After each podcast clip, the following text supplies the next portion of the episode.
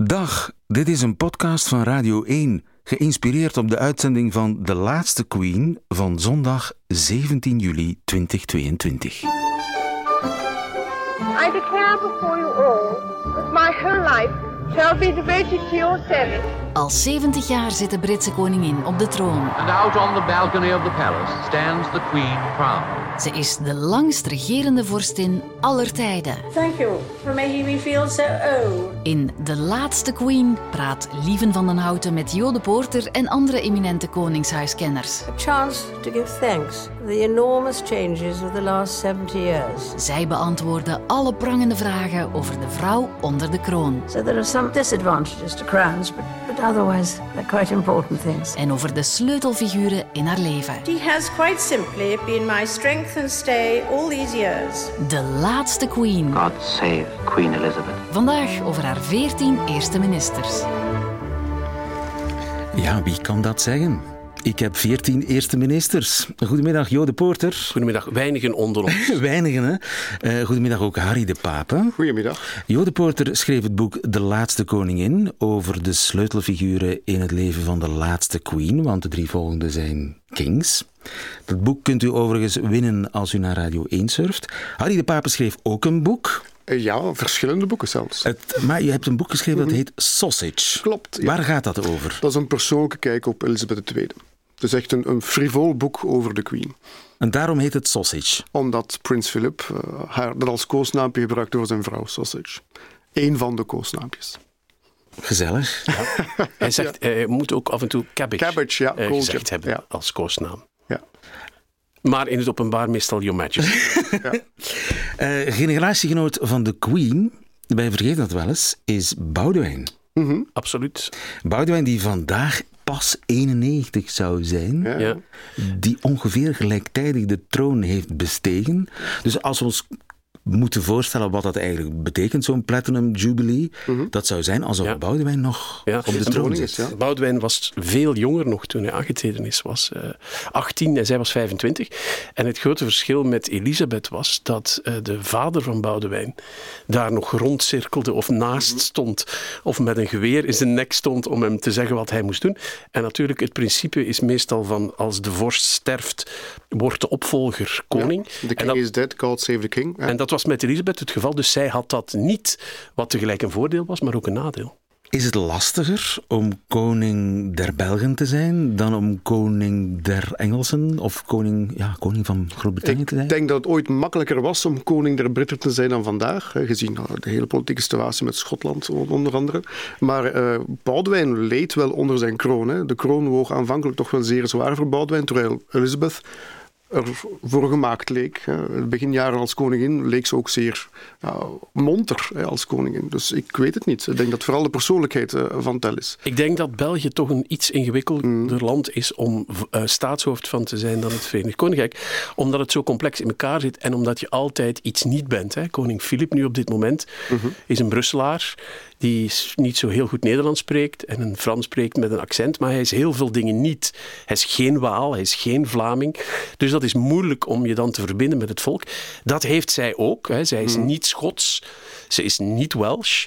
Maar eh, omdat hun koningshuis al zo lang meegaat en omdat het een veel grotere allure heeft, is het Disney-aspect, denk Ja. ik, van het Britse koningshuis iets wat haar wel steunt. Mensen vinden dat overal ter wereld kleurrijk en frivol en interessant. Waar de Windsors ook goed in geslaagd zijn, is die nationale aspecten, zoals bij Schotland, eigen te maken. Balmoral is een zeer Schots eigendom met de kilt aan enzovoort. En dus ze maken wel deel uit van die identiteit. Het is opvallend dat de Schots nationalisten bijvoorbeeld, die Schotse onafhankelijkheid willen, niet durven praten over een republiek, omdat ze bang zijn om te veel mensen tegen het hoofd te stoten. Ja, en in het agenda van de Queen, en dat is ieder jaar hetzelfde, zijn er gewoon weken in Schotland, weken in Wales, ze gaat naar Noord-Ierland, ze is in Engeland, dus dat is gewoon ieder jaar zoveel tijd. Zwaar uit- over. Ja, ja, uitgemeten om toch maar deel uit te maken Daar van ze in die... Laken nog van leren. Absoluut, ja.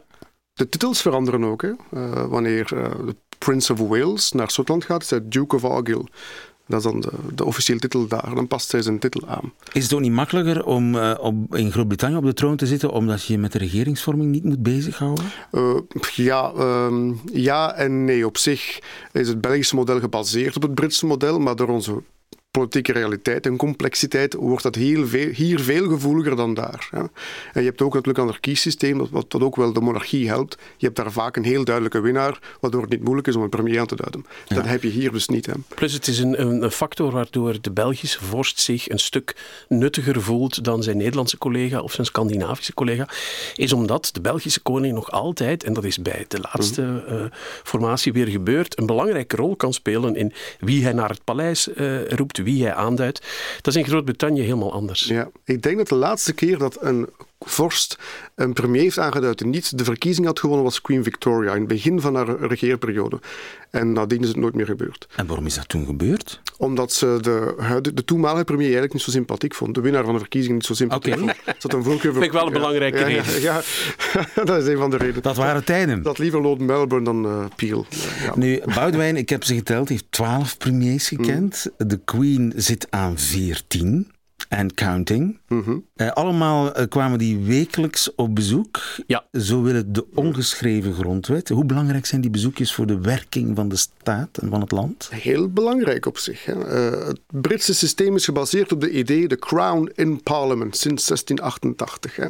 En dat betekent dat de, de vorstin, die eigenlijk de, ma de machthebber is, haar macht delegeert naar de premier. Dus zij moet op de hoogte gehouden worden van de staatswerking. En naar het schijnt is ze daar zeer meticuleus in. Zij wil letterlijk alles weten wat er gebeurt. Uh, Worden daar notities gemaakt? Uh, nee, maar ze krijgt wel de red boxes. Hè. Dus zij is zeer goed op de hoogte wat de regering allemaal wil en van plan is. Maar wordt tijdens het gesprek... Dat zit allemaal in die rode doos? Ja, wordt tijdens het gesprek wel niet genoteerd. Er wordt niets opgeschreven. Nee. Het duurt altijd gemiddeld een half uur. Mm -hmm. Je hebt ook uitlopers. En dan heb je, de, om een heel slechte indruk te maken op de majesteit, moet je doen wat Margaret Thatcher bijvoorbeeld deed. En dat is gemiddeld drie kwartier te vroeg aankomen. Ja. Daar heeft ze een absolute bloedhekel aan. Klopt, ja. Maar het is bijna altijd op dinsdag. Er zijn uh, afwijkingen. Tony Blair heeft ooit uh, Tony Blair, het schema veranderd. Dat vindt de Queen ook zelf een belangrijke afwijking. Tony Blair zelf, maar daar gaan we het straks over hebben, denk ik. Maar uh, dinsdagmiddag, half uurtje, geen notities, mm. zittend. En de premiers kunnen haar vertrouwen. Ze weten zeker dat Ja. niets zal lekken. Are going to see mother, heeft Ja. ooit een van de premiers gezegd. Het is letterlijk, je gaat iemand alles toevertrouwen waarvan je weet, die gaat nooit mijn positie in gevaar brengen, want het is geen tegenstander. Hè. Die luistert en die mag adviseren. Adviseren is niet echt, ze mag een beetje sturing geven of haar mening geven. Maar het is vooral een luisterende functie. Veel premiers vinden het eigenlijk een soort op bezoek gaan bij de psycholoog. een beetje, ja, We hebben er ook heel veel gezegd van die, Ja, van die ja. premiers. En in een toes- toespraak heeft eh, Tony Blair ooit gezegd dat er maar toen Mhm. eh, twee vrouwen ter wereld waren waar hij de waarheid kon over, eh, tegenspreken over zijn kabinetscollega's. Dat was zijn vrouw Sherry Mhm. en de majesteit. De laatste Queen. Vandaag de laatste Queen over de 14 eerste ministers die de Queen in de loop van haar 70-jarige carrière over de vloer kreeg. De huidige Boris Johnson is 38 jaar jonger. Mhm. De eerste was 51 jaar ouder. En dat is Winston Churchill. We shall fight in France. We shall fight on the seas and oceans. We shall fight with growing confidence and growing strength in the air. We shall defend our island, whatever the cost may be. We shall fight on the beaches. We shall fight on the landing grounds. We shall fight in the fields and in the streets. We shall fight in the hills. We shall never surrender. We shall never surrender. Je kon hem bijna meelippen, hè, Harry? Ja, ja, ja.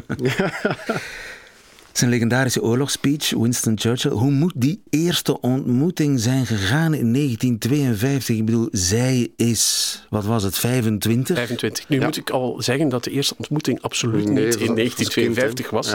Hij heeft ze als kind leren kennen. Hè. Hij heeft ze, Ze kenden elkaar. Ze kenden elkaar, ja. Hij was een goede vriend van haar vader. Hij heeft ook met haar vader, laten we zeggen, de Tweede Wereldoorlog eh, gedaan.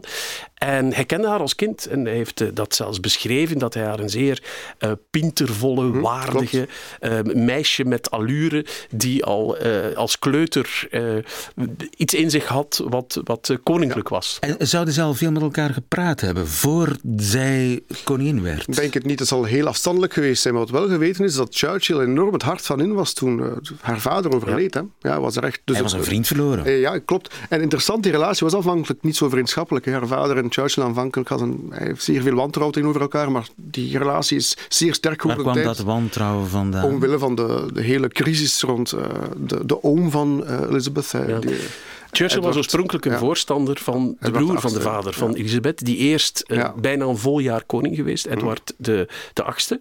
En Churchill was er een echt grote voorstander dat hij ook koning zou blijven, dat hij met Wallace Simpson zou trouwen en dat hij op de troon zou blijven zitten. Dus niet uh, een voorstander van de tweede broer. Dus die relatie is heel moeilijk gestart. Ja, maar aanvankelijk, maar uiteindelijk is echt wel een heel hechte relatie geworden. Want, hij, want interessant, bij de begrafenis van uh, de vader van, van de Queen heeft hij zelf een zelfgeschreven briefje op de kist gelegd voor Vella, voor moed, omdat hij vond dat George VI echt een moedige koning is geweest tijdens de Tweede Wereldoorlog. Dus zij is haar vader ja. verloren, hij is een vriend verloren, ja. het is 1952, ja. februari.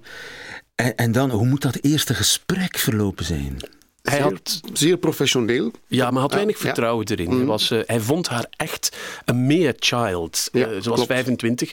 Mm. Ze was een meisje, dat zal er ook niet. Ze had waarschijnlijk nee. liever een jongen gehad op die uh, positie. Het waren seksistische tijden. Het waren klopt, zeer seksistische Maar haar tijden. houding bracht hem wel onder de indruk van dat ik ook net zei. Zeer professioneel. Zij was zeer waardig. Hè, zodra ze die, die trappen van het vliegtuig afwandelen. Want dat Afrika, Juist als hè. je die beelden ziet, de, de, de manier waarop ze schrijdt. Klopt, hè? En dat maakte wel indruk. Ja. Ja, de wijze waarop ze eigenlijk de troon besteeg, maakte indruk. Hoofd in de nek. Ja, dit is mijn plicht, ik zal mijn plicht vervullen. Ja. En nadien zal hij ook opmerken, jaren later, van, uh, tegen zijn, de, de lijfarts, had je de hele wereld afgezocht naar een perfecte actrice om deze rol te spelen. Je had het niet geen beter gevonden dan haar. Zij is echt de persoon om de queen te zijn van dit land. En is hij haar leermeester geweest, haar gids? Ja, ja. ja zeker. Ja. Dat kan je wel zeggen. Zij was natuurlijk wel opgeleid van haar tiende om uh, in de, de, schoenen, op de voetsporen van haar vader te gaan. Maar goed, tot 25, uh, dat het zo vroeg zou gebeuren, had zelfs zij niet verwacht.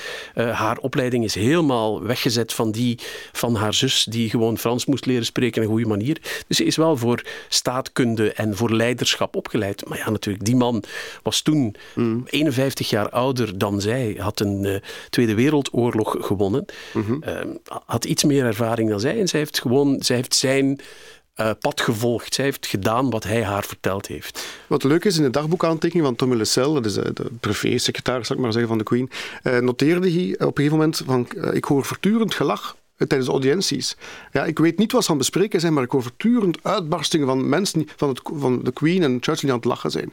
En nadien kwam ook Churchill vaak al lachend buiten. Dus die maakten samen veel plezier, blijkbaar. Ja, twee handen op één buik. Ja, hij ja. was ook heel erg mm. gecharmeerd van de fysieke verschijning van... Mm, ja, hij was een beetje verliefd op haar. De jonge koningin. was een zeer uh, aantrekkelijke, mooie... Dat vergeten wij natuurlijk ja, vandaag. Natuurlijk. Wij zien dat oude besje, maar in de jaren 50 mm. was zij een schoonheid. Ja, zeker. Ja. Met een slanke taille en dat zal, daar zal Churchill niet ongevoelig voor geweest zijn. Nee, klopt. Heeft hij haar ook politiek kunnen gebruiken? In de naoorlogse, ja, sombere dagen, dat daar plotseling een jonge vrouw de, de in, natie verzinnen beeld? In de zin als propaganda voor het Verenigd Koninkrijk wel. Hè. Dus de tours die ze dan moest maken en ook ten opzichte van de Verenigde Staten bijvoorbeeld. Hè. Want hij droomde van een verbond tussen het Verenigd Koninkrijk en de Verenigde Staten. Hè. The English-speaking world. Gebruikte haar wel als uithangbord dat wel. Maar in de nationale politiek was dat toch minder het geval. Ze heeft hem wel ook uh, gedekt toen hij in de nadagen van zijn uh, eerste ministerschap een beroerte heeft gekregen op een bepaald moment. Mm, ja. Wou men dat niet naar het publiek uitdragen dat de premier mm. uh, ernstig ziek was. En dat heeft, daar, daar heeft ze hem echt voor, dat heeft ze niet uitgebracht. En dat geheim heeft ze met hem bewaard tot de laatste dagen. En toen hij zelf afscheid genomen heeft. Dus ze heeft hem ook de hand boven het hoofd gehouden als dat moest op het einde. Ja, en van al haar mensen, van al haar premiers die haar gediend hebben, heeft hij het allermooiste eresaluut gekregen van allemaal. Ze heeft hem een staatsbegrafenis ja. ge gegeven. Ja, waar ze zelf op aanwezig was. Maar heeft ze altijd braaf gedaan wat hij adviseerde? Ja, er is nog geen enkele koning geweest die eigenlijk echt tegen het beleid van de premier gaat. Er zijn, wel, er zijn wel conflicten geweest die ze gehad Mhm. heeft. En dat heeft niet zozeer met haar te maken. Maar er is de kwestie dat haar man, prins Philip, op een bepaald moment de naam van de familie wou veranderen van Windsor naar En dat Mountbatten. wilde hij niet. Hè? En Churchill wou dat absoluut niet. En zij was wel haar... Omdat natuurlijk die man had een... eh prins Philip had het die tweede rangspositie, moest achter haar lopen. Dus ze wou die iets geven. En als het van haar eh, had afgehangen op dat moment, in tijden van Churchill, was ze wel de idee genegen geweest om iets met die naam te doen. Maar Churchill was heel fel. Haar moeder was heel fel. En vooral haar grootmoeder, Queen Mary, heeft gezegd: Wij zijn Windsors en daar gaan de, we gaan die naamsverandering dat niet zolang ik leef. Trouwens, een leuk detail. eh, De Queen hield ervan om Churchill Churchill te betrappen op foutjes, want hij kende zijn dossiers nooit grondig. was een generalist hè, en zij verbeterde hem dan graag tijdens audiënties.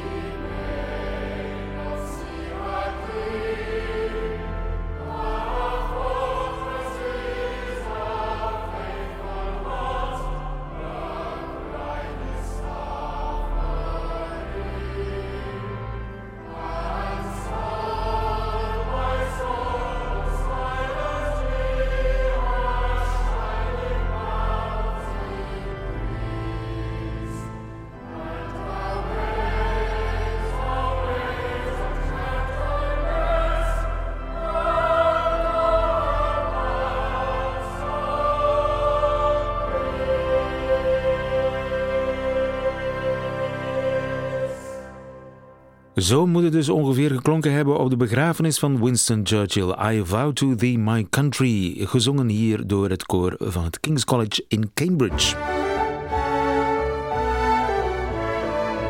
De laatste Queen. Vandaag over haar eerste ministers. Veertien heeft ze er zien komen, dertien zien gaan. De veertiende, Boris Johnson, is al onderweg naar de uitgang. En de vijftiende wordt verwacht in september, oktober. Die premiers die werden alsmaar jonger. Winston Churchill, haar eerste, kon haar grootvader zijn. In 1979 zit er voor het eerst iemand van haar eigen leeftijd en haar eigen gender in Downing Street 10. Where there is discord, may we bring harmony. Where there is error, may we bring truth. Where there is doubt, may we bring faith. And where there is despair, may we bring hope. Ja, Margaret Thatcher bij haar aantreden als nieuwe premier van het Verenigd Koninkrijk. Een vrouw van haar leeftijd. Ja, Ze scheelde zes maanden. zes maanden. Zes maanden. En voor de, voor de trouwe eh, Crown-kijker, dat is een geweldige scène in The Crown, waarbij ze die on- de eerste ontmoeting vastleggen, waarbij de Queen vraagt, en eh, we zijn ongeveer dezelfde leeftijd, en dan zegt ze van, en wie is senior? En dan zegt Thatcher, but I, of course, your majesty.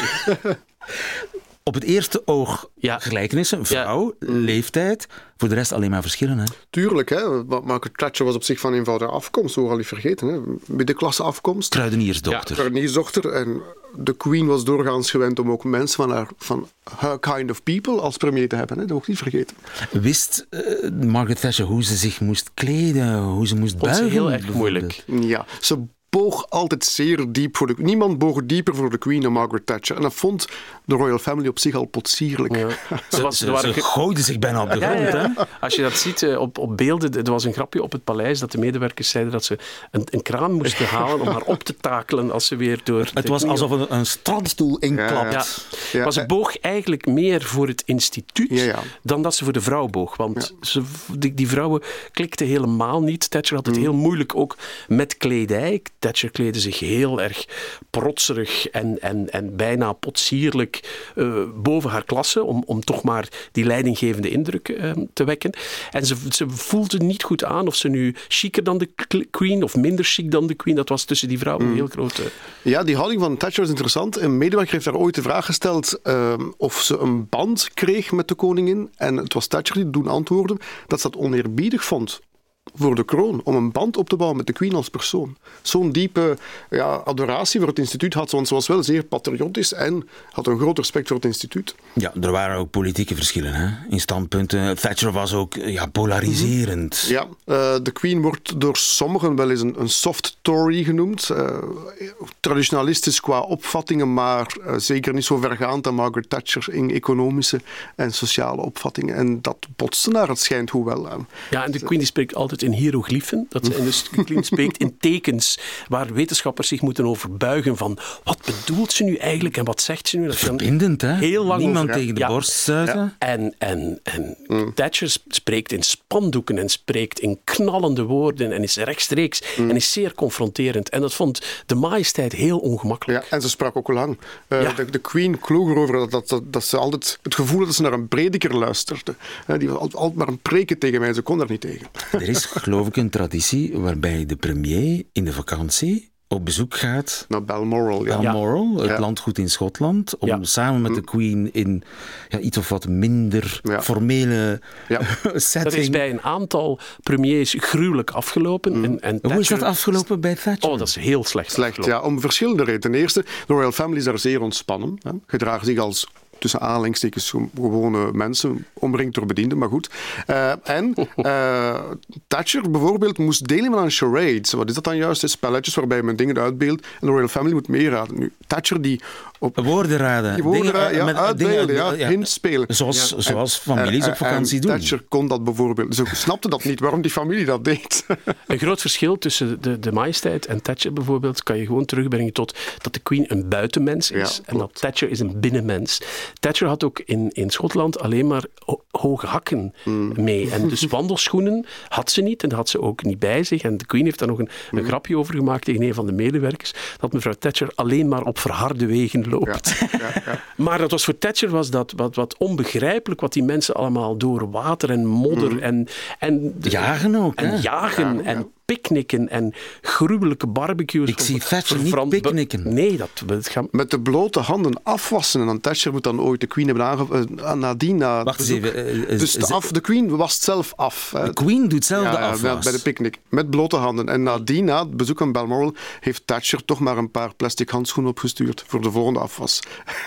maar wacht eens even. Ik, ik moet even dat beeld oproepen van een afwassende ja, queen. Dat is nadat ja. de legendarische barbecue heeft plaatsgegrepen ja. waar prins Philip vlees laat verbranden op een of andere rooster. Want hij kan dat natuurlijk niet. Hij doet dat maar één keer per jaar en heeft nooit iemand gezegd hoe dat dat moet doen. Dus altijd rampzalig en de majesteit waste dan af. Ja. En was die dan af ter plekke, buiten? Ja, ja, ja, ja het is niet in de keuken. Nee, nee. Dus daar is, ja, ja. Uh, in een tijltje. Ja. in een ja.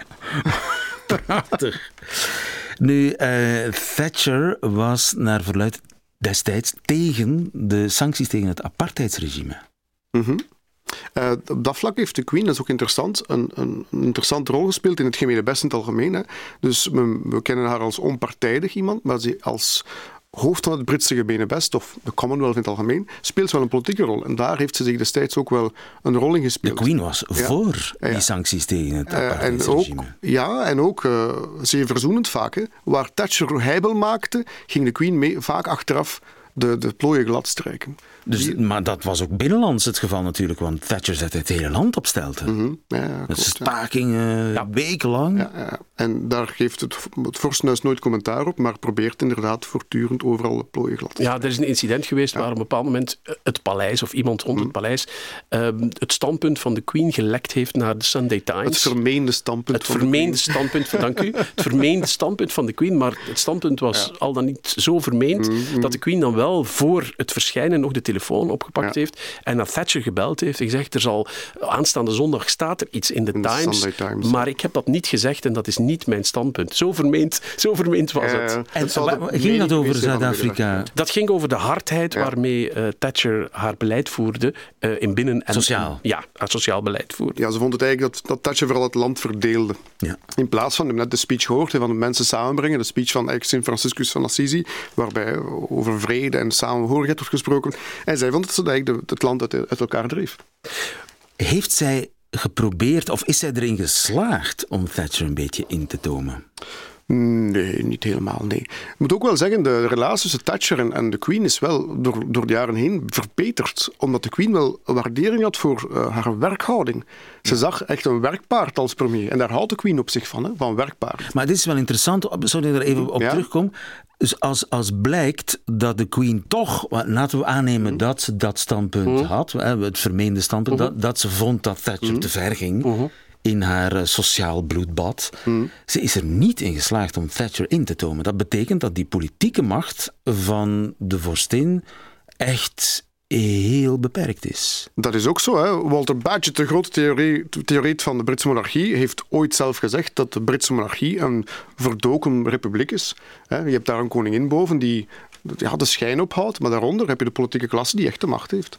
Ben je het daarmee eens? Ik ben het daarmee eens. En wat ik wel moet, wil aan toevoegen is dat eh, het feit dat Thatcher een vrouw was, hè, ho- hoewel sommige mensen, niet iedereen is daarover eens, maar goed, een vrouw was, dat dat wel iets was dat voor de Queen heel erg belangrijk eh, was. En dat bij het aanstellen van Thatcher, of het aantreden van Thatcher, een van de medewerkers van de koningin tegen de majesteit gezegd heeft, de majesteit vroeg, wat vindt u daar nu van? Het is een vrouw die het land gaat leiden. En die medewerker zei, ja, ik vind het toch een raar idee dat een vrouw ineens het land gaat leiden. Ja. En toen heeft de koningin heel bedenkelijk naar hem gekeken en de man heeft toen wel gesnapt wat hij aan het vertellen was tegen de queen. de stilte was sprekend. Ja, het feit dat, dat het een vrouw was, dat, heeft, dat heb je ook gemerkt in de nadagen van de carrière eh, van Thatcher. Heeft de Queen een aantal dingen gedaan die ze eigenlijk alleen maar met Churchill gedaan heeft en met weinigen, een eerbetoon wat weinigen gekregen hebben. Ze, heeft, ehm, ze is onmiddellijk barones gemaakt toen ze ehm, ehm, met pensioen, of tenminste toen ze weg is gegaan uit de regering. Ze heeft nog een orde van verdiensten gekregen. En ehm, op de 80, het is wel een prachtig verhaal, de 80ste verjaardag van Thatcher, Thatcher was toen al licht dementerend, is de majesteit naar een verjaardag met een aantal honderden mensen geweest. Ja. En Thatcher wist toen niet heel goed meer wat ze deed. En ze vroeg voor ze aankwam, Mag ik haar aanraken? mag ik de majesteit aanraken? Dat mag je natuurlijk niet doen. Niemand mag de majesteit aanraken. Maar de, de queen is binnengekomen en ze heeft die vastgepakt. En ze hebben elkaar eigenlijk niet meer losgelaten die dag. En die queen is met Thatcher aan de hand door dat feestje gegaan. En die Thatcher Ja. besefte niet meer goed wat ze deed. Dus de dames hebben het wel bijgelegd, hè? Ja, een belangrijke rol is ook de Falklandoorlog hoor. Niet, dat mogen we niet vergeten. De Falklandoorlog was een aanval vanuit eh, Ar- Argentinië op de Falklands. En daar, daar heeft de Queen eh, Thatcher in gesteund, volledig. En ze heeft ook een rol gespeeld, want de Verenigde Staten waren daar toen een beetje... Ja, ze vonden dat een vervelende situatie. En de- Queen is toen toevallig, zoals eigenlijk al lang gepland, uit te rijden geweest met eh, president Reagan in Windsor, Windsor Castle, begronden. En zij heeft een rol ingespeeld waardoor Reagan kort nadien een toespraak heeft gehouden waarbij de Verenigde Staten eigenlijk eh, de, de actie van het Verenigd, van het Verenigd Koninkrijk huldigen. En daar heeft de Queen ergens een rol in gespeeld. Ja, ja. Dus ze heeft, dat is ook de reden waarom zij die speciale begrafenis heeft gekregen, want zij is een wartime leader geweest die een oorlog gewonnen heeft. Net zoals Churchill. This, Mr. President, is a remarkable record. Far better than anything we have ever known. The on. The bass goes on. The bass goes on. The bass goes on. Acid party. Acid party. Acid party. Today, every week, acid party, even more frequently. Acid party. Crucial party. Let's have a party. Pool. Party. Acid party. Let's have a Party. Brave, brave, brave murder. Acid party. Come with us then. Acid party. Never mind the politics. It's a better record than the Labour Party ever had at any time. It's a party, it's a party. Yes, yes, yes. Tja, het betere knutselwerk Maggie's Last Party. Eh, en ik weet niet welk feestje hier bedoeld wordt. Misschien haar begrafenis, dat zou kunnen. Ding dong, the witch is dead, eh, heeft men ook gezegd.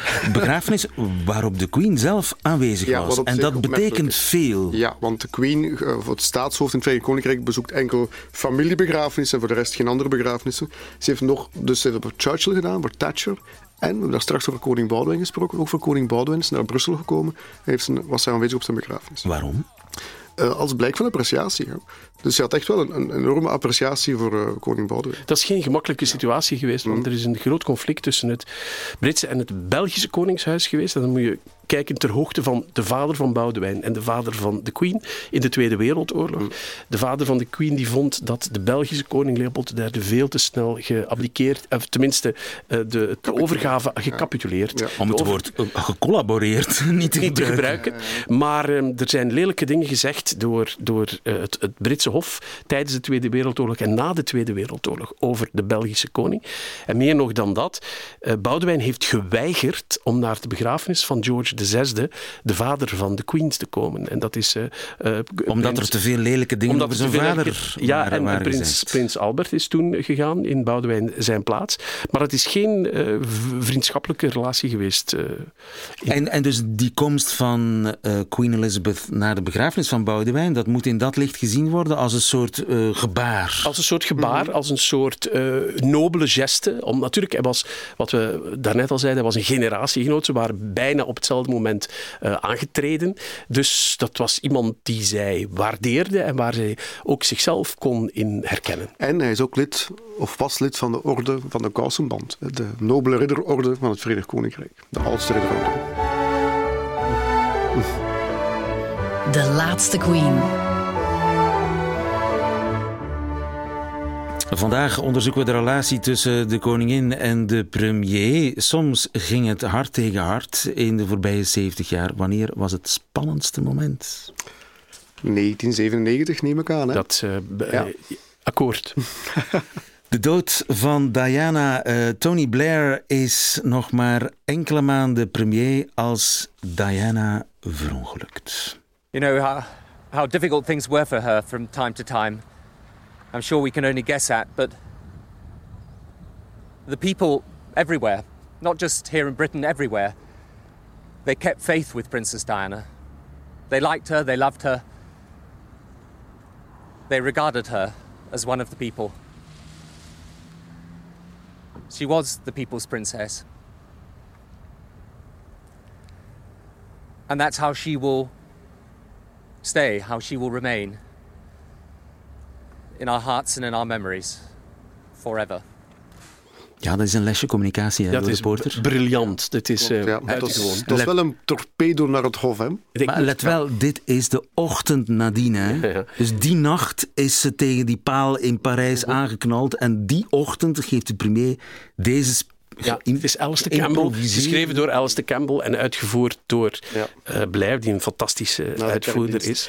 Ik moet zeggen dat ze hem al haten voor deze speech. Ah. Want het is een van de mensen met de meeste bijnamen op het paleis. Uh, all, uh, he's all teeth, but he doesn't bite. Dat zei de Queen Mom. Ja, de Viceroy werd hij ook genoemd. Ja en uh, The Great Lover of the Limelight, Mr. Blair. Ja. Um, dus voor, voor dit gebeurde was er al, want hij heeft zich, hij is, um, wat je komt doen is, je komt de koningin de handkus geven als je aantreedt als eerste minister. En hij heeft daar die eerste dag al, hij is om te midden, hij is gevallen en bijna in haar, door tapijt, hè? in haar schoot gedonderd. en hij moet ook gezegd hebben, zullen we, u mag mij gewoon Tony noemen, maar dat feest, het feest, is, het feest is niet doorgegaan. Dus was geen Call me Tony! Ja, ja. er was geen groot grote aanhanger al voor deze kwestie gebeurde. En zijn vrouw was ook nog openlijk republikein. Ja, Cherie. ja, Dus dat was ook niet, bepaald. Cherie Blair. Uh, Wat adviseerde hij de Queen in verband met de begrafenis van Diana? Ja, kom naar buiten. Hè. Dat was eigenlijk het advies. Ja. Terwijl zij, haar reactie was: nee, ik moet bij de kinderen blijven. Hè. Ja. De twee jongetjes. Uh, dat heeft zes dagen geduurd. En zijn uh, advies is wel voor haar, dat heeft ze jaren later ook nog toegegeven. Ze heeft, hij heeft daar drie dingen geadviseerd: dat ze moest uh, een toespraak houden op de televisie, mm-hmm. dat ze de vlag moest half stok hangen en dat ze een soort van grote publieke begrafenis organiseren voor Diana. En met een beetje de arm omwringen heeft ze dat allemaal gedaan. Ze wou die begrafenis niet organiseren. Nee. Maar dat speelde Spencers ook een rol. Hè? De Spencers wilden ook op zich een, een familiale begrafenis. Hè? Dus een familie... Dus zowel de Spencers als de Windsors wilden eigenlijk dat de begrafenis een Spencerzaak zou En dat was tot, tot voor uh, een aantal dagen daarvoor was dat een uitgemaakte zaak. Mm. Het was voor hen klip en klaar dat Diana deel uitmaakte. Ze was uit de familie getreden, was uit de echt gescheiden. Zij was een Spencer. Mhm. En het was de verantwoordelijkheid van de Spencers om die begrafenis te organiseren. Niets meer met de Windsors te maken.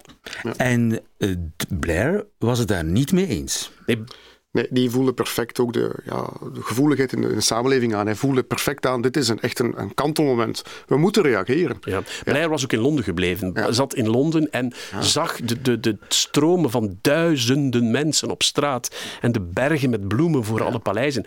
En de Queen zag de bergen van de Highlands. Hè. Die zat daar ergens in, in Balmoral, afgescheiden van de buitenwereld. Die had het totaal niet door wat er aan de gang was in Londen. En dan zijn er hele lastige telefoontjes geweest. Uh, ja, verschillende lastige telefoontjes, denk ik. Ook met Prins. Eigenlijk was Prins Charles om een duur de katalysator, die, de communicator tussen de Queen en, en, en, en Downing Street. Hè. Dus men had door in Downing Street de persoon die het makkelijkst kunnen bereiken, die het meest wil luisteren, is Charles. Via hem moeten we werken. Ja. Ja. Charles is rekkelijker dan zijn moeder. Jazeker, en voor ja. Charles stond er ook veel meer op ja. het spel. Hij, was, hij, is, hij is nog altijd de troonopvolger. En wie had het stijfste been? Uh, de, de moeder had het stijfste been. Dus niet Elisabeth, maar haar moeder. Ja, de, de Queen Mom. De Queen Mom, die vond dat dat buiten enige proportie was om zelfs maar iets met die vlag te doen. Ze hebben zelfs met Churchill de vlag niet half stok gehangen. Dat wordt niet gedaan, dat is in de Britse traditie. Dus ik kan me zo voorstellen, men is samen in Balmoral en dat men daar ook uh, van s ochtends tot s avonds over gepraat heeft en dat daar discussies over moeten zijn geweest. De koninklijke standaard gaat enkel half stok wanneer het staatshoofd overlijdt. De koninklijke standaard. Dus men heeft trouwens vandaag gaan naar Londen, uh, hangt nu de Union Jack te wapperen als de Queen er niet is. Dat was vroeger niet. Hè. Sinds 1997 is dat een nieuwe regel. We hangen de Union Jack uit. Als er iets gebeurt, dan kan die half stok hangen. Dat is door Diana. Ja. Dat die, die Union Jack daar hangt, ook Klopt. al is de Queen er niet. Voilà. Hè. Want normaal gezien hangt de koninklijke standaard er als zij er is. Maar je moet je goed inbeelden dat ze daar allemaal bij elkaar zitten in Schotland en dat er soort de Queen omringd is, behalve Charles dan, door één groot anti-Diana front. Zowel haar moeder als haar man waren hevige tegenstanders van mm. Diana Spencer. Dus het is heel lastig dan voor die majesteit om dan een beslissing te nemen die diametraal staat tegen wat jouw naaste familie en jouw moeder en jouw man aan het vertellen zijn. En toch is ze door de knieën gegaan. Ja, ja. Hoe komt, is dat Blair geweest die gezegd heeft: I'm the boss? Blair en ook Charles heeft er wel een rol in gespeeld hoor. Ja. Uh, en zij die een heel goed gevoelen heeft uiteindelijk voor timing. Mm. En hoe lang ze iets kan volhouden en wanneer ze op een bepaald moment iets moet loslaten mm. en mee moet gaan ja. met de golvende beweging die het volk maakt. En zodra ze dan in Londen terugkeerden, denk dat dan het besef echt wel doorgedrongen is van dit is huge. Ja, dit is belangrijk. Die, die bloemenzee die net beschreven is, maakte indruk. Hè. En een mooi moment is dan, want ze komt een keer terug naar Londen met haar, met haar man en de familie. Ze wandelt voor Buckingham, ze stapt uit voor Buckingham Palace, ze wandelt eventjes rond, naar de bloemenzee. En dan, volgens is het apocrief? Is het echt? Ik weet het niet. Zou er een meisje haar bloemen hebben aangeboden? En zij dacht dat is voor de bloemenzee, voor Diana. En ze moet gezegd hebben: zal ik het erbij leggen? Waarop het meisje zei: Oh no, it's for you. En toen besefte de queen: goed, hè, ik heb juist gehandeld. Het zegt wel iets over haar. Tenminste, als dit allemaal klopt, mm. dan is het wel iemand die een bocht kan maken. Ja. ja. Dat is natuurlijk waar. Het is niet alleen maar, je zit niet 70 jaar op de troon door ja. alleen maar heel oud te worden. Nee. Je zit daar ook door de juiste dingen op het juiste moment te doen. En, en dat Diana-crisis is daar een van de meest sprekende voorbeelden van. Maar niet alleen dat, hoe ze uh, op een bepaald moment toch Andrew kort gezet heeft en kort geknepen. Wat ze met uh, Harry gedaan heeft op een bepaald moment. Dat gaat dwars door haar grootmoederhart en dat is helemaal tegen alles wat ze wil doen. Als je gekeken hebt naar de, de jubileum jubileumviering, hoe ze Harry buiten alle feestelijkheden gehouden heeft. Dat is werk van de majesteit en dat zal haar zeer veel pijn en zeer veel smart doen. Maar dan weet ze dat ze in de eerste plaats voor de kroon moet kiezen. Dat dat betekent ja. om die periode Harry buiten beeld te houden. Ja, en als het erop aankomt, is de kroon belangrijker dan wat dan ook. Dat is de essentie van haar bestaan. Hè? Ja. Dat is het. My party don't dad, we just. If you hear me through the wall, you better call the cops. I was scheming backbench, but I'm back on top. And now I've finished what I started at the bus stop. Hey, my party don't dad, we just borrow stop. Spitting xenophobic crimes in your letterbox. I was scheming backbench, but I'm back on top. So get ready for hard Brexit and backstop. Hey, my party don't dad, we just borrow stop. If you hear me through the wall, you better call the cops. I was scheming backbench, but I'm back on top. And now I've finished what I started at the bus stop. Hey.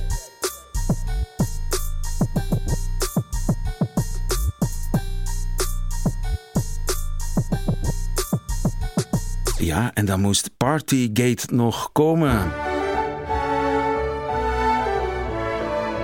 De laatste Queen. Is Boris Johnson al op Balmoral geweest? Ik denk het niet. Nee? Denk het niet, nee. Uh, hij is premier geworden eind 19 en in maart 20 brak de coronacrisis uit. En sindsdien is het vooral op afstand dat zij met elkaar spreken. Hè. Dus hij is wel op Windsor Castle al Ja. geweest, maar nog niet in Balmoral. En iets te lang eh, voor de smaak van de majesteit zelf. Want tijdens corona drong hij erop aan voor, om de fysieke eh, afspraken met de koningin eh, te doen, tot een, een medewerker gezegd heeft. Maar beseft u wel dat dat een zeer hoogbejaarde dame is en dat zij risicopatiënt nummer één is. Dus als u het geweten, als u het op uw geweten wil hebben, het overlijden van de majesteit, dan moet u blijven aandringen op die fysieke meetings. Maar we kunnen ook gewoon een zoomtje doen. En het is een zoom geworden eh, later. Ja. Tegen de goesting van Tegen de Boris Johnson. Boris is dus heel majesteitsgezind en vindt, het heel, vindt die afspraken zeer belangrijk. Hij is heel majesteitsgezind. Hij is heel Ja, majesteitsgezind, ja. ja. Het is ook een Eat Old Etonian, is eenmaal in het systeem opgevoed. Hè. Dus voor hem is het summum van het, van het, van het systeem is de Queen. Hè. En het summum van premierschap is Churchill. Daar zijn ze het toch ook over eens? Dat klopt. Hij vergelijkt zichzelf graag met Churchill. Hij wil een soort van pseudo-Churchill zijn, maar alleen, ik zeg het er al bij, pseudo-Churchill. Vindt zij hem ook een soort Churchill? Ik heb ooit ergens gelezen dat, eh, dat was in de jaren, was ergens 2019 dacht ik, dat ik in een- in een krant, eh, krantartikel las, dat zij zich zeer laatdunkend uitlaat over de huidige politieke klasse in het algemeen. Ja, zij vindt dat, dat de, de kalibers van vandaag niet meer de kalibers van vroeger zijn. En dat is natuurlijk de meetlat van Churchill hanteert Mhm. bij Boris Johnson. Behalve dat hij er een boek over geschreven heeft, Mhm. over, over Churchill. Dan kom je toch redelijk teleurgesteld uit. Er zijn twee dingen die, eh, waar ze het wel eh, prettig eh, mee kan vinden. Dat is het feit dat hij haar taal spreekt. Mhm. Hij spreekt letterlijk met het accent wat zij heel goed kent. En waar zij nog een iets hogere versie van hanteert. En hij doet haar lachen. Ja, humor is belangrijk bij de Queen. ja. Zij heeft heel veel humor. En, Ja, hij, ja, ja. en hij ook. En hij kan zich uit heel veel situaties met haar redden door grapjes te maken. En ehm, dat bevalt haar wel. Maar de Palace was wel eh, not amused toen hij in een van zijn eerste gesprekken met de pers als premier liet ontvallen dat zij moet gezegd hebben dat ze niet begreep dat iemand die job wilde die hij uit- uitoefende als premier. Het feit dat het liet vallen, hè, was al natuurlijk ontbloten van de kroon. En dat heeft de Palace toch laten weten aan Boris Johnson. Dat is niet de bedoeling, prime minister. Meestal is ze ontstemd over het feit dat premiers zoals Blair en Cameron haar woorden gebruiken in hun memoires als ze al afgetreden zijn. Maar dit was, wat was het, binnen de 24 Zoiets, of hè, 48 ja, heel uur. snel. Ja. Maar eigenlijk ook die memoires van al die premiers, dat is eigenlijk not done. Nee, daar is ze zeer verstoord over. Maar het moet toch frustrerend zijn om... Zij doet dat uiteraard niet. Want ja, als zij dat zou doen, Mhm. hè, als zij zelf de kroon zou ontbloten of dingen zou vertellen, doorgaan vertellen, dan... dan En ook, dit is ook soms bedenkelijk, hè? de memoires van Blair staan dingen in geciteerd, die je trouwens ook hoort in de film The Queen uit 2006. Detail, de memoires van Blair zijn in 2010 verschenen. En de scriptschrijver van The Queen, de film, zegt, ja, maar dat zijn dingen die ik bedacht heb, die, die citaten in mijn heeft de werkelijkheid verzonnen. Ja, ofwel, schrijft, zegt die man, heeft hij eh, de quotes gebruikt omdat hij ze goed vindt, ofwel had hij een stuk in zijn voeten en weet hij niet meer het verschil tussen de werkelijkheid en, en de fictie. Dus ja. Ja, er zijn er, eh, wat ik zei, Blair en Cameron hebben de woorden van de majesteit gebruikt in memoirs. Maar er zijn er anderen die het, Thatcher heeft het bijvoorbeeld niet gedaan. Nee, nee. Wat toch voor haar pleit. En Absoluut. voor haar... Eigenlijk alle premiers voor Blair hebben dat nooit gedaan. Ja. Want het moet verschrikkelijk zijn, want je kan niet antwoorden. Hè? Je kan niet zeggen, ik heb het niet gezegd. Nee, klopt. Dat, is- dat doet ze ook niet. Hè. Wat dan interessant zal zijn voor de toekomst. Hè. Wat zal Charles doen bijvoorbeeld als koning? Dat vraag ik me dan af. Gaat hij kunnen zwijgen als er zoiets lekt? Ik weet het niet. Ja, wat denk je? Ik ehm, denk dat we heel verbaasd zullen zijn in gunstige zin van Charles. Als Charles is een pinterman die beseft dat zijn tijd zeer gelimiteerd is, zeker als vorst, en zal proberen daar onverwacht in te presteren. Hij heeft wel die capaciteiten, denk ik. Het is nu al gebeurd. Hè. Edward VII ja. hij was een goede koning uiteindelijk. Hè. Ja, we, opvolger van de we zullen het nog meemaken. Hè? We, gaan het, We, gaan, we gaan dat zeker meemaken. Eh, Partygate, hoe is dat aangekomen in eh, Buckingham Palace? Eh, slecht, vooral wanneer het gelekt werd dat eh, vlak voor de begrafenis van prins Philip, dat er nog een feestje was in Downing Street, is het zeer slecht gevallen. Je hebt een zeer mooi, mooi ja, je hebt een interessant televisiebeeld waarbij een reporter dat op het bord gooit van Boris Johnson, van de prime minister, er werd gefilmd feest aan de vooravond van de begrafenis van prins Philip. En je ziet letterlijk Boris Johnson in één krimpen, een van de weinige keren dat ik gezien heb, in één krimpen hevig beginnen ademen en zegt: Ik weet het, ik weet het, dat dat, dat nooit mogen gebeuren. En dan was hij beschaamd. Dat is de eerste keer dat ik dat ooit heb gezien. Hij was echt beschaamd. De Queen is 96 en stoot stilaan bepaalde taken af. Charles en William die moeten lintjes, meer en meer lintjes knippen. Zal de Queen ooit die wekelijkse audiëntie opgeven? Nu is het al vaak telefonisch of uh, digitaal. Ik denk het niet, zolang dat zij goed bij zinnen is. Maar ze zal meer en meer taken afstaan om de focus en de aandacht steeds meer op Charles te leggen en om um, hem zoveel mogelijk al te profileren in de rol van aanstaande vorst. Dat is wat ze dit jaar gedaan heeft door hem eh, de opening van het parlement te laten doen ze had het makkelijk zelf kunnen doen, want diezelfde week is ze een metrostation gaan openen, is ze naar Chelsea Flower Show geweest en heeft ze nog iets gedaan. Een dus, paardenshow. En, en, een paardenshow, ja, Dat heeft ze allemaal wel gedaan. en ook tijdens de Jubilee-plechtigheden uh, eigenlijk zo, zogenaamd om gezondheidsredenen. Ja, en je, zag, jij, gelooft het ook niet, hè, joh? Nee, je zag, je zag inderdaad Charles de onderkoning optreden, hè, en zeer goed. En, en hij was heel prominent. Ik denk dat het alleen maar een strategische beslissing was tijdens de Jubilee om haar op opening en op de sluiting te laten zien. En voor de rest alle taken over de ander te verdelen. En die aan, om aan de idee te wennen dat er misschien in de nabije toekomst een nieuwe koning komt en dat dat Charles zal zijn. In de hoop dat zijn populariteit ook een beetje stijgt. Ja, dat speelt een rol. Niet, uh, maar daar is het niet zo goed mee gesteld. Maar, dat klopt, maar dat speelt op zich in de monarchie geen rol. Hè. Hij ja, koning worden. Ik hoor jou dat graag zeggen. Dat dat, uh, uh, je moet dat vertellen aan al die koningen die afgezet zijn, dat populariteit geen rol speelt. Klopt, maar als je, als je dan die stap neemt, dan dat heeft groot, je moet, moet anders bekijken. Het Verenigd Koninkrijk, dat heeft zodanige impact, ik zie het niet meteen een republiek worden. -huh. ja, omdat dat systeem is daar zodanig gebouwd rond een koningshuis. Wanneer kan het gevaar worden voor het Koningshuis. Uh, wanneer Schotland een referendum houdt en onafhankelijkheid zou uitroepen, dat kan gevaarlijk zijn voor het Koningshuis, want dan kan je andere dingen ook in vraag binnen stellen. Wanneer dat referendum bijvoorbeeld het Verenigd Koninkrijk in stand houdt, dan is er niks aan de hand voor het Koningshuis.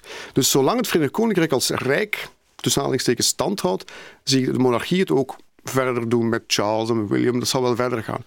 Maar op het moment dat het, koninkrijk uit elkaar valt als unie, dan komt ook het voortbestaan van de monarchie in gevaar, denk ik. Maar de logica waar uh, zij in denken, uh, het, het, het, Koningshuis, dat is niet dezelfde logica waar de mensen in denken die peilingen invullen die naar de verkiezingen gaan. En dan zie je dat er een heel groot verschil is tussen de geliefdheid, het vertrouwen wat Elisabeth op dit moment heeft, de geliefdheid en het vertrouwen wat ze aan William gaan schenken. Mm. En daartussen, als je dat grafisch ziet, zie je echt een kloof van Charles die daartussen zit. Mm. En dat is een probleem. Uh, of dat nu... Ja, maar dat probleem zal denk ik beantwoord worden wanneer de Queen overlijdt, dan zal het, hè, de Queen is that God save the King, en dan zal Charles volop in de spotlights komen. Er zal echt een charme-offensief komen, denk ik. En hij zal ook het koninkrijk rondreizen en men zal er alles aan doen We om ain't tegen, nothing de, yet. tegen de kroning God Save the King te kunnen zingen. En de mirakels zijn de wereld niet uit. Als je ziet hoe ja. uh, Camilla herrezen is naar ja. alle dieptes waar, waarin die zat, dan is uh, een beetje populariteit voor um, Charles niet onmogelijk. We zullen zien. De laatste queen vandaag over haar 14 premiers. Met dank aan Harry de Pape. Graag gedaan. En Jo de Porter. Volgende zondag ligt Prins William op tafel. De Future King. Ik hoop jullie dan weer te treffen.